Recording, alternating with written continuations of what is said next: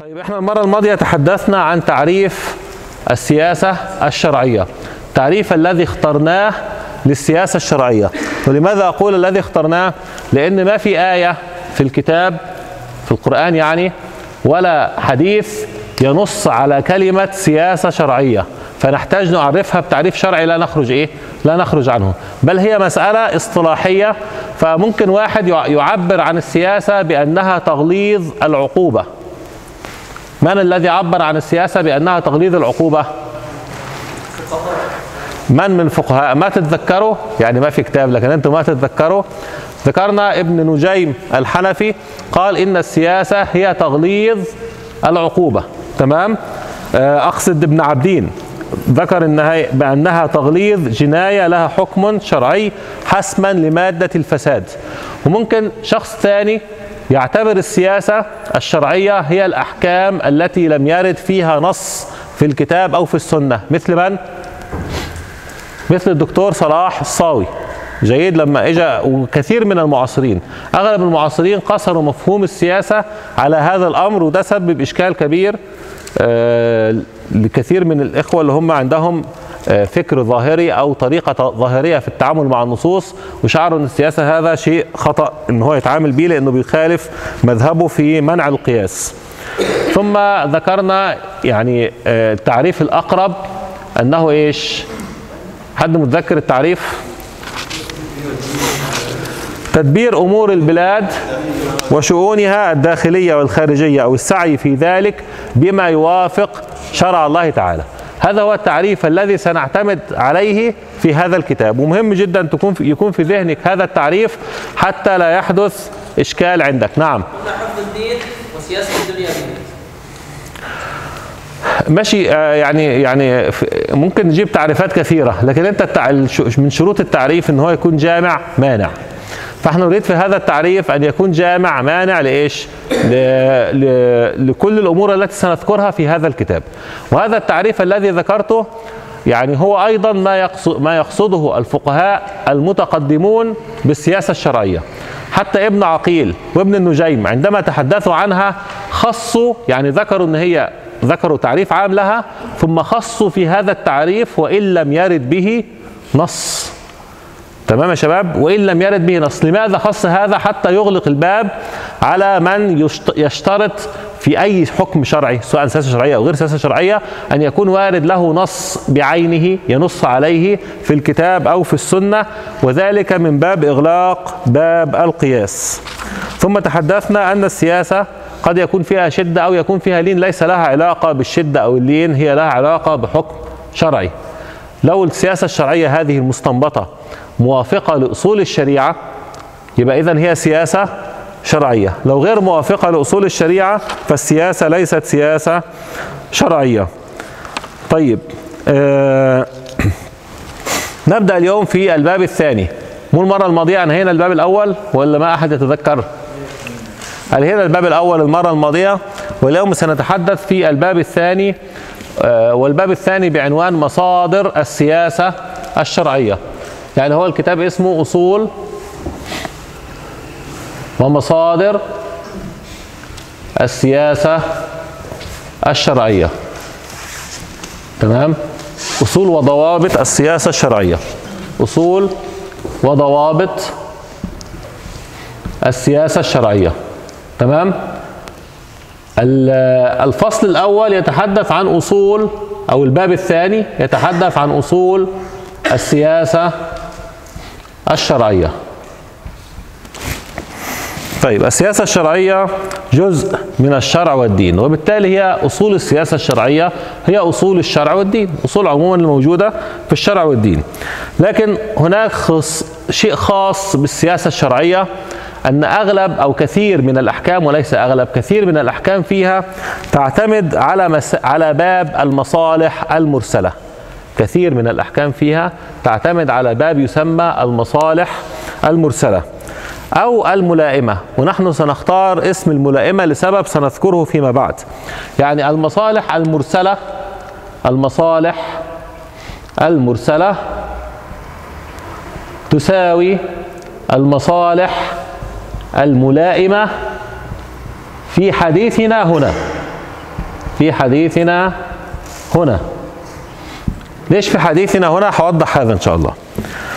طيب آه، أحيانا لما لما تعتمد السياسة كثيرا أو نضع في مصادر السياسة أو في أصول السياسة الشرعية المصالح الملائمة أو المصالح المرسلة أحيانا هذا يسبب فتح لباب كثير لباب, لباب شر عظيم عند بعض الفقهاء أو المتسلقين على الفقه فيفعل أمور كثيرة مخالفة لنصوص الشريعة ويقول هذا من باب المصالح المرسلة أو من باب المصالح الملائمة ولهذا هناك باب كامل في الكتاب يتحدث عن ضوابط المصالح المرسلة اللي هي ضوابط السياسة الشرعية عموما كما سنبين بإذن الله تعالى. آه، وقد يستخدم المصالح المرسلة يعني ممكن يصل في النهاية إن هو يوالي الكفار على المسلمين تحت بند المصالح المرسلة. لهذا لهذا السبب عندما كثر استخدام هذا الأمر كثيرا صار بعض الناس تتحدث عن تأليه المصلحة المرسلة أو تأليه المصلحة الملائمة. مو الاله اللي هو بيأمر وينهى فقالوا اذا طالما المصلحة الملائمة أو المصلحة المرسلة هي التي ستأمرك وتنهاك بخلاف الشرع صارت إله من دون الإيه؟ من دون الله سبحانه وتعالى. جيد؟ كما يعني هذا الإنكار ورد كثير ورد كثيرا عند أهل العلم فصار بعض أهل العلم قد يغلق هذا الباب تماما يقول ما في شيء اسمه إيش؟ ما في شيء اسمه مصالح وهذا أيضا خطأ شرعي خاصة عند جمهور أهل العلم الذين يرون اعتبار المصالح الملائمة مصدرا من مصادر التشريع عموما آه، ولهذا هتجد أغلب في جزء كبير جدا من الكتاب ممكن يصل إلى ثلث الكتاب أو أكثر من ثلث الكتاب ممكن نصف الكتاب يتحدث في مسائل المصالح الملائمة تمام يا شباب؟ آه، لكن آه، ولهذا سنبدأ طيب في البداية هنبدأ في الحديث عن أصول أصول السياسة الشرعية الأصول السياسة الشرعية هي أصول الشرع عموما. وأصول الشرع عموما تنقسم إلى أصول مجمع عليها وأصول مختلف فيها. هذا جزء من أصول الفقه لكن لابد من الحديث عنه. لكن قبل أن نذكر هذا الجزء آه، نشير إلى مسألة. المعرفة البشرية عموما. وطبعا هذا المعرفة الشرعية هي جزء من المعرفة البشرية تخضع لكثير من قوانينها. تقسم المعلومات التي تأتي إليك المعلومات التي تأتي إليك إلى أربعة أقسام. أول شيء العلم ومقصود به اليقين. يعني ممكن نختصره ونكتب 100 في الإيه؟ في المئة. الثاني الظن ومقصود به غلبة الإيه؟ الظن وهو بين 51% إلى 99% الثالث الشك ومقصود به 50 في المئة. يعني ترجح وجود احتمال الطرفين بدون مرجح. والرابع الوهم. وهو دون الخمسين بيبقى الطرف الثاني لغلبة الايه؟ الظن. أقل من خمسين في المئة. طبعا هذا الكلام يعتبر مراجع لكم لأن هذا الكلام تحدثنا عنه كثيرا لكن هو مهم جدا جدا أن نضعه في أذهاننا. لا جدال في أن الأحكام الشرعية لا تثبت لا بالوهم ولا بالشك. هذا قطع قطع. ما في أحد من أهل العلم يقول أن الأحكام الشرعية تثبت بالوهم أو يقول أن الأحكام الشرعية تثبت بالإيه؟ بالشك. طيب. والأحكام الشرعية تثبت بالعلم قطعا. لا جدال بين أهل العلم أيضا أن الأحكام الشرعية تثبت بالعلم. لكن هل تثبت الأحكام الشرعية بغلبة الظن؟ أم لا تثبت بغلبة الظن؟ تثبت عند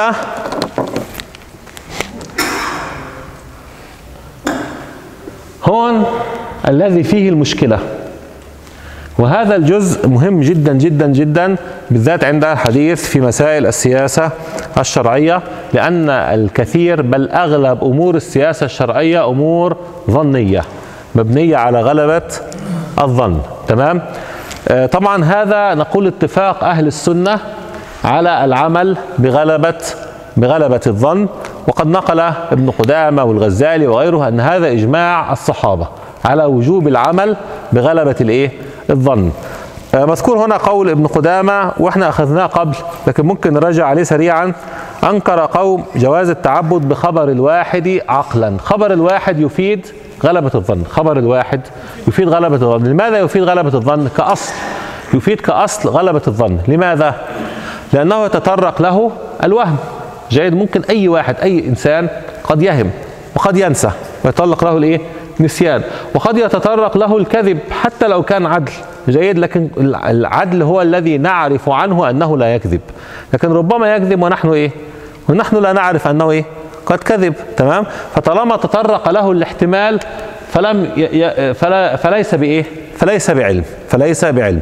وقد أيضا يأتي الظن ليس فقط من كون الدليل خبر واحد. قد يأتي الظن أيضا من كون الدليل محتمل ولو كان قطعيا. يعني ممكن دليل قطع الثبوت مثل آية في القرآن ولكنه يحتمل تاويلا. جيد؟ فالدليل الذي يدل عليه هذا الدليل ليس قطع الدلالة ولكنه ظن الإيه؟ ظني الدلالة. فيقول ابن قدامة أنا يعني أعيد هذا القول لأنه ضروري جدا يكون عندك قناعة تامة بأن الأحكام تثبت بغلبة الظن. يقول أنكر قوم جواز التعبد بخبر الواحد عقلا. يعني إيش عقلا؟ يعني إيش عقلا؟ بالعقل يعني هناك حتمية عقلية تمنع قبول التعبد بخبر الإيه؟ بخبر الواحد. تمام؟ مثل مثلا لما أقول لك هذا لونه أسود وأحمر. يستحيل. إما أو أسود وأبيض. إما أسود وإما أبيض. أنا أحكي في نفس هذا المكان. أو أنا بنفسي هكذا. تمام؟ هنا وفي المنزل. يستحيل إما هنا وإما في المنزل. عقلا لا يقبل إيه؟ لا يقبل هذا. فقالوا هؤلاء قوم من المبتدعة يعني قالوا لا أنكروا جواز التعبد بخبر الواحد. فرد عليهم ابن قدامه وقال إن صدر هذا من مقر بالشرع فلا يعني هذا هذا يتناقض مع إقراره بالشرع. وإلا كيف يحكم في القضاء؟ قضاء بيحكم بخبر الواحد مو اللي رواه واحد. خبر الواحد هو قسيم المتواتر. جيد؟ فالقضاء بيحكم بالتواتر ولا بيحكم بخبر الواحد؟ بخبر الواحد. القضاء بيحكم بإيه؟ بخبر الواحد. جيد هيك؟ ف والشهادة بتكون خبر واحد ولا إيش؟ واحد تمام؟ حتى لو كانوا اثنين حتى لو كانوا ثلاثة حتى لو كانوا أربعة هم في النهاية إيش؟ واحد تمام؟ طيب آه، أما لو اما أما لو صدر من منكر للشرع يعني حتى لو كان شخص لا يقر بالشرع وقال أنا أرى أن عقلا لا يمكن أن يكلفكم الله عز وجل بالتعبد بخبر الواحد. يقال له وأي استحالة في ذلك؟ أن يخبرنا الله عز وجل أن علامة وجوب العمل أن يغلب على ظنك أن تعمل. أي استحالة عقلية في هذا؟ صحيح أنت عندك غلبة ظن ما بتعمل بيقين لكن مجرد وجدت غلبة الظن عندك يجب عليك يقينا أن تعمل. وين شبهتهم هدول؟ شبهتهم يقولون كيف يجب عليك شيء بشيء محتمل؟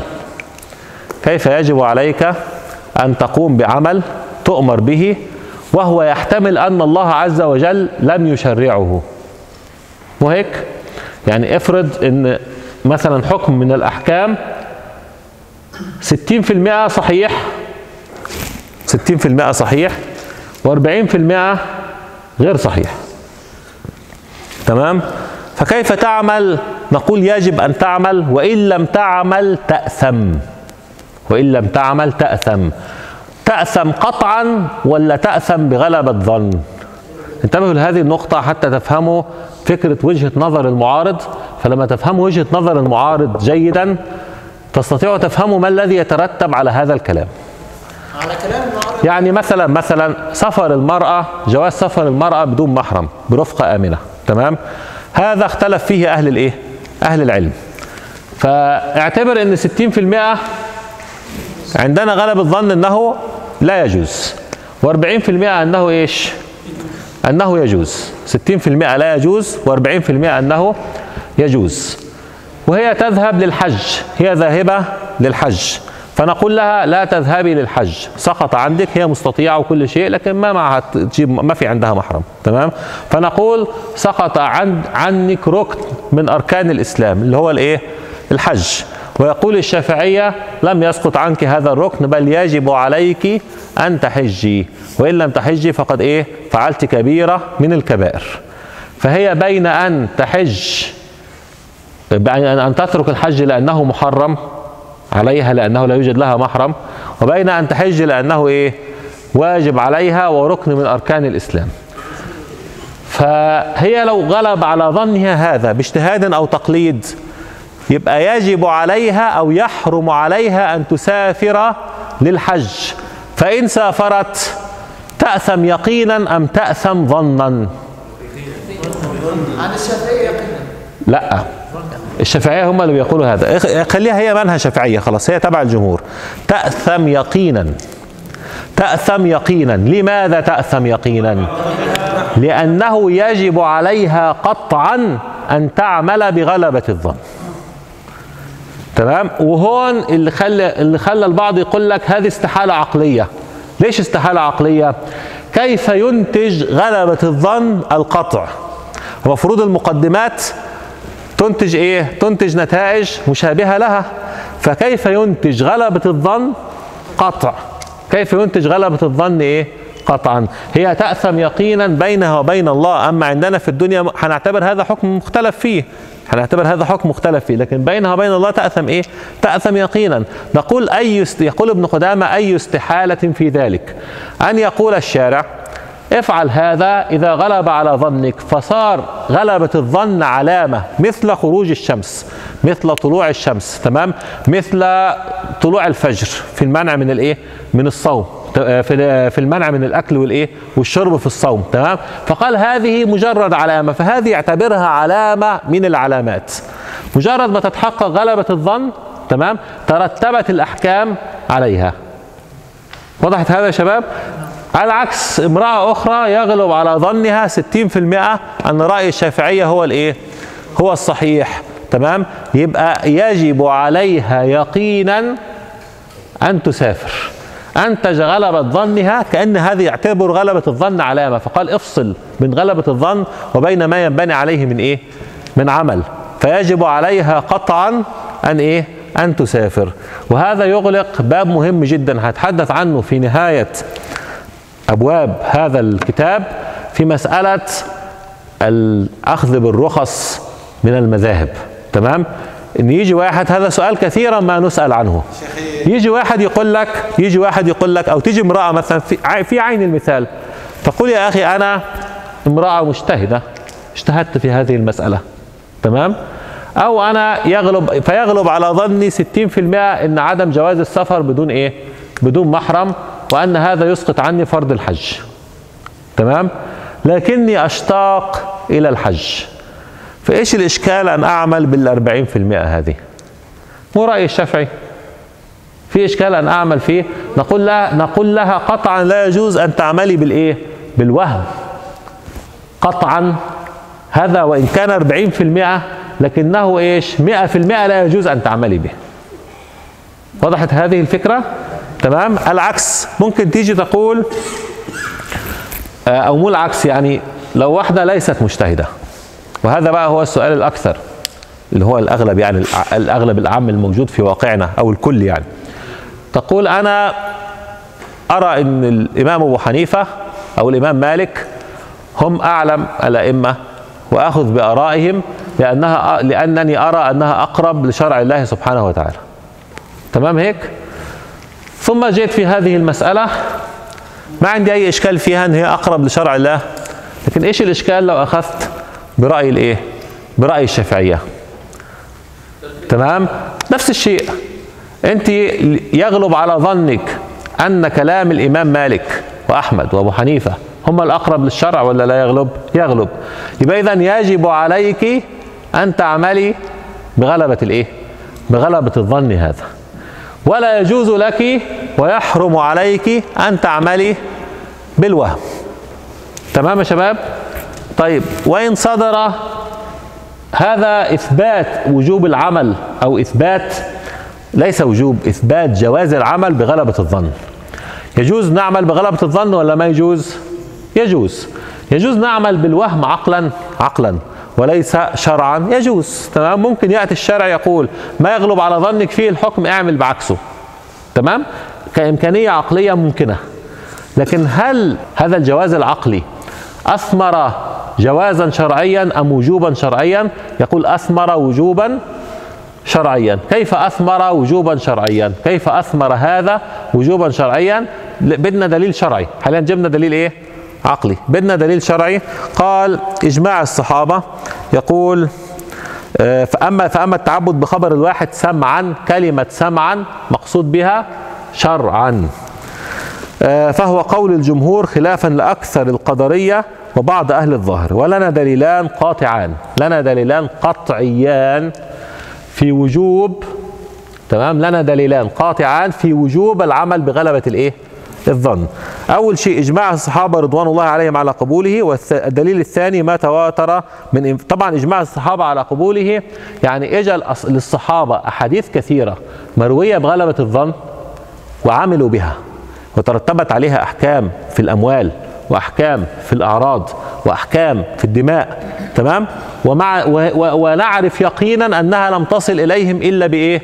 إلا بخبر الواحد الذي يفيد غلبة الظن. ولم نسمع أي صحابي امتنع قبول حديث أفاد عنده غلبة الظن؟ جيد. ولم يعمل به. حتى الصحابة الذين رفضوا أحاديث. هتيجي هتيجي هون تلاقي لما لو فصلنا إحنا ما في وقت إن إحنا نفصل في هذه المسائل أكثر إن خارج عن نطاق كلامنا. لكن لو جينا نفصل هيجي مثلا يقول آه، عمر بن الخطاب رضي الله عنه كان لا يقبل الحديث إلا إذا رواه اثنان. هل اثنان؟ صار متواتر؟ هل باثنين صار متواتر؟ ليس متواترا. وكان هذا من باب الاحتياط وثبت عنه في أدلة أخرى أنه كان يأخذ بإيه؟ بكلام واحد فقط. هو هذا اثنان اسمه خبر واحد وواحد اسمه خبر إيه؟ واحد تمام؟ رد عمر بن الخطاب رضي الله عنه خبر روته امرأة وقال لا نترك كلام الله عز وجل لكلام امرأة لا ندري أصابت أم أخطأت تمام؟ رده لماذا؟ لأنه لم يفد عنه غل... عنده غلبة الإيه؟ غلبة الظن. الصحابة كلهم عدول عندنا جيد؟ وكلهم ثقات في إيه؟ في نقلهم. لكن هذه المرأة وإن كانت عدل عند عمر ولكنه شك في نقلها. فلم يفلح كمان كلامها كان معارض لظاهر آية. فقال هذا لا يكفي في معارضة ظاهر الإيه؟ ظاهر الآية. أيا كان لن تجد دليلا سالما آه، بأن أحد من الصحابة رد خبرا لأنه خبر واحد. فثبت الإجماع. فأما التعبد آه، والدليل الثاني ما تواتر من إنفاذ رسول الله صلى الله عليه وسلم أمراءه ورسله وقضاته وسعاته إلى الأطراف لتبليغ الأحكام والقضاء وأخذ الصدقات وتبليغ الرسالة. كم معاذ رضي الله عنه أرسل إلى أين؟ الشيخ اللابس أبيض. إلى أين أرسل معاذ؟ إلى اليمن. تمام؟ أرسل حتى يفعل ماذا؟ حتى يحكم بلاد اليمن. يحكمهم بماذا؟ بالشرع تمام؟ قال بما تقضي؟ قال أقضي بكتاب الله فإن لم تجد فبسنة رسول الله صلى الله عليه وسلم فإن لم تجد فقال أجتهد رأيي ولا إيه؟ ولا آله. طيب هل هو عندما سيقضي بالكتاب أو بالسنة خبره الذي سينقله خبر واحد أم خبر متواتر؟ واحد هو معاذ. جيد؟ فينقل خبر واحد ويحكم به في هذه البلاد ويلزم أهل اليمن أن يستجيبوا للأحكام التي إيه يذكرها تمام؟ وسعاة النبي كانوا يذهبون لأخذ الصدقات ويقولون الصدقة كذا وكذا وكذا وكذا وكان يستجاب لهم وتدفع الصدقات ومن لا يستجيب لهم كان يقاتل كما حدث في سبب نزول آية يا أيها الذين آمنوا إن جاءكم فاسق بنبأ فتبينوا أن تصيبوا قوما بجهالة فتصبحوا على ما فعلتم نادمين. رجع وقال امتنعوا عن الصدقات فجهز الرسول صلى الله عليه وسلم جيشا لحربهم ثم اكتشف بعد ذلك وثم عرفوا بعد ذلك أنهم لم يمتنعوا ولا شيء. فسمي فاسقا لهذا الإيه؟ آه، أو يعني آه، حذرنا الله عز وجل من أخذ بخبر الفاسق بهذه الطريقة فثبت من هذا جواز أخذ خبر العدل أو وجوب الاعتماد على خبر العدل وخبر العدل هذا خبر واحد. طبعا وقالوا أن النبي صلى الله عليه وسلم مأمور بتبليغ الرسالة ولا يمكن أن يبلغها بمن لا يستفاد بكلامه فبالتالي عرفنا من هذا أنه أن غلبة الظن تفيد في تبليغ الرسائل. هذا وقد خالف الظاهرية. جيد. وموضوع خلاف الظاهرية في هذه المسألة لابد أن نحرره. موضوع خلاف خلاف الجهمية مو هيك؟ قال الجهمية وبعض الظاهرية. موضوع خلاف الجهمية ما هتفرق معنا كثيرا لكن خلاف الظاهرية في إشكال لأن الظاهرية نحن نعتبرهم من أهل الإيه؟ من أهل السنة. فتخيل أنه رفض العمل بغلبة الظن. الظاهرية مو خلافه في خبر الواحد خالفوا في وجوب العمل بغلبة الظن. فلو خالفوا في هذا يبقى يلزم من هذا يلزم لازم القول طبعا ليس قولا يلزم من هذا أنهم لا يعملون بالأحاديث إلا الأحاديث المتواترة. جيد؟ الحديث المتواترة قليلة جدا. تمام؟ في بقى لازم أشد كمان ألا يعمل بأي آية محتملة. ألا يعمل بأي آية محتملة. يعني آية والزانية والزاني فاجلدوا كل واحد منهما مئة جلدة. جيد؟ طيب 100 جلدة دي خلاص انتهت واضحة في الإيه؟ في المئة جلدة. طيب هل المحصن يجلد ولا لا يجلد؟ ده ثابت بالإيه؟ بالحديث بالسنة. طيب يعمل بها وممكن يقول لك الحديث ليس متواتر فلا يعمل إيه؟ فلا يعمل به. طيب قوله تعالى آه، فعدتهن ثلاثة قروء. القرء على كل الآراء في أصل الوضع له إيه؟ معنيين. فمهما حددت من معنى فهو غلبة ظن الفقهاء شطروا شطرين. جزء قالوا القرء الحيض جزء قالوا القرء الإيه؟ الطهر. تمام؟ فمهما حددت من معنى هو في النهاية غلبة إيه؟ غلبة ظن فيسقط العمل بهذه الآية. ويسقط العمل بغيرها وبغيرها وبغيرها. العام أغلب العمومات غلبة ظن أغلب العمومات تبني على غلبة الإيه؟ الظن لأن العمومات كثير منها خص جيد؟ فيسقط كل العمل بالعام ففي النهاية ممكن يسقط أغلب الشريعة. فهل هكذا يفعل الظاهرية؟ لا يفعلون هذا ولكنهم يسمون غلبة الظن علما. تمام؟ تحقيق مذهب الظاهرية. طبعا هم قالوا إن الله عز وجل قال في كتابه الكريم إن يتبعون إلا الظن وما تهوى الأنفس ولقد جاءهم من ربهم الهدى. فقالوا الله عز وجل نهانا عن اتباع الظن. إن يتبعون إلا الظن وما تهوى الأنفس في معرض الذم فنهانا عن اتباع الظن. فكيف نأخذ بالظن؟ نقول أنه نهانا عن الظن هذا أن إحنا نفهم في شيء اصطلاحي اصطلح عليه أهل العلم جيد غير ممكن ألفاظ في القرآن يكون لها معنى مختلف. الظن المقصود به الإيش؟ الشك. حتى نجمع بين هذا الدليل وبين غيره من الإيه؟ من الأدلة. ثم أنتم يا ظاهرية تأخذون بالأحاديث. أخذوا بأحاديث كثيرة جدا. آه يعني ممكن أيضا تكون تصل لدرجة مثلا 70% وممكن 65% بل في حديث هم بيستدلوا بها ونحن نقول أن هذه الأحاديث ضعيفة. يعني حتى في أحاديث هم بيستدلوا بها ونحن نضاعف هذه الإيه؟ الجمهور يعني يضاعفون هذه الأحاديث. لكن ممكن نقول إن هم بيعتبروا الظن الأقوى شوية أقوى من 51 يعني ما بيوصلوا لواحد وإيه؟ ل 51% فاذا الخلاف بيننا وبين الظاهر وطبعا في القرآن أيضا بيعملوا بغلبة الظن في المعاني اللي هي الأمور اللي فيها اختلاف في المعاني ولكن يسمونه يقينا. يسمونه علما ويسمونه إيه؟ يسمونه يقينا. في الأحكام العملية ما في ما في يعني في الأحكام العم أو ما في الأصول يعني كفكرة أصول الخلاف لفظي. لكن ترتب على هذا إشكال. إيش الإشكال؟ إن هو بيعتبر أن قوله صواب لا يحتمل الخطأ. قوله اللي جابه من غلبة الظن هذا اعتبر أنه صواب لا يحتمل الإيه؟ الخطأ. وقول غيره خطأ لا يحتمل الصواب جهل. صفر في المئة. قول غيره جهل. صفر في الإيه؟ صفر في المئة.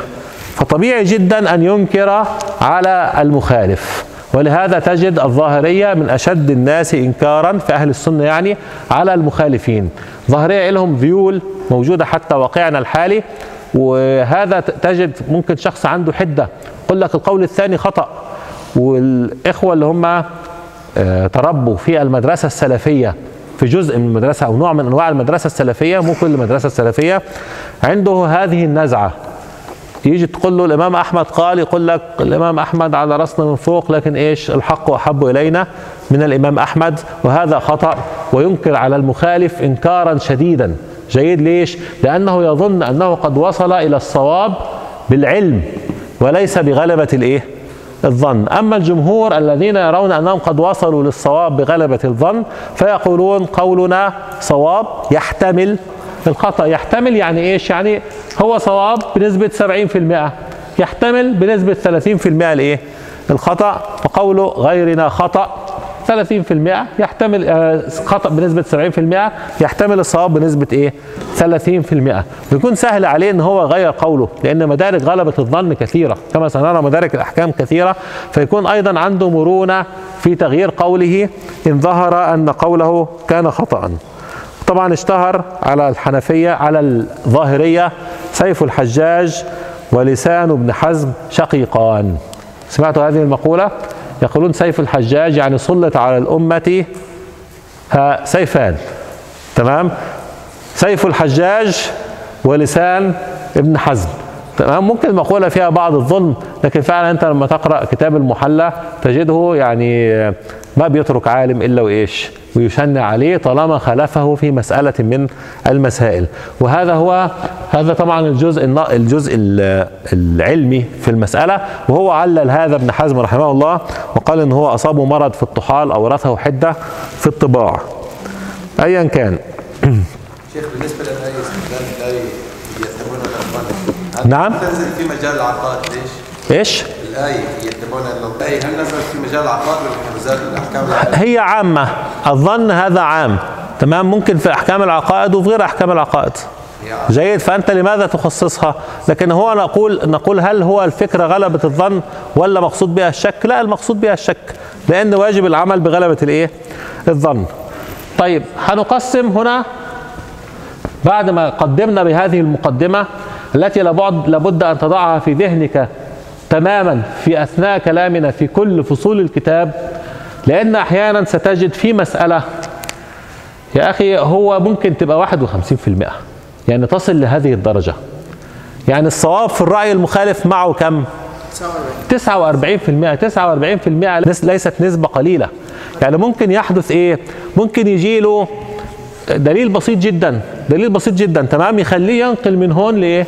لهون أو يغير الحكم من هنا لإيه؟ لهنا. تمام؟ ففي كثير جدا من مسائل السياسة الشرعية الأمور فيها متقاربة بينك وبين الإيه؟ وبين المخالف.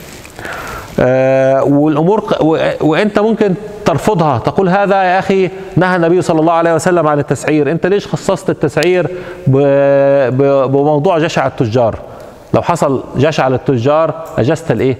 أجزت التسعير. طب مو هكذا مناقضة للنص؟ إحنا نقول النص لا يشمل هذا. يشمل ولا لا يشمل؟ في النهاية هتكون بإيش؟ بغلبة الظن وليس بالقطع. صعب جدا أن تصل للقطع أو لليقين بالذات في المسائل الفقهية.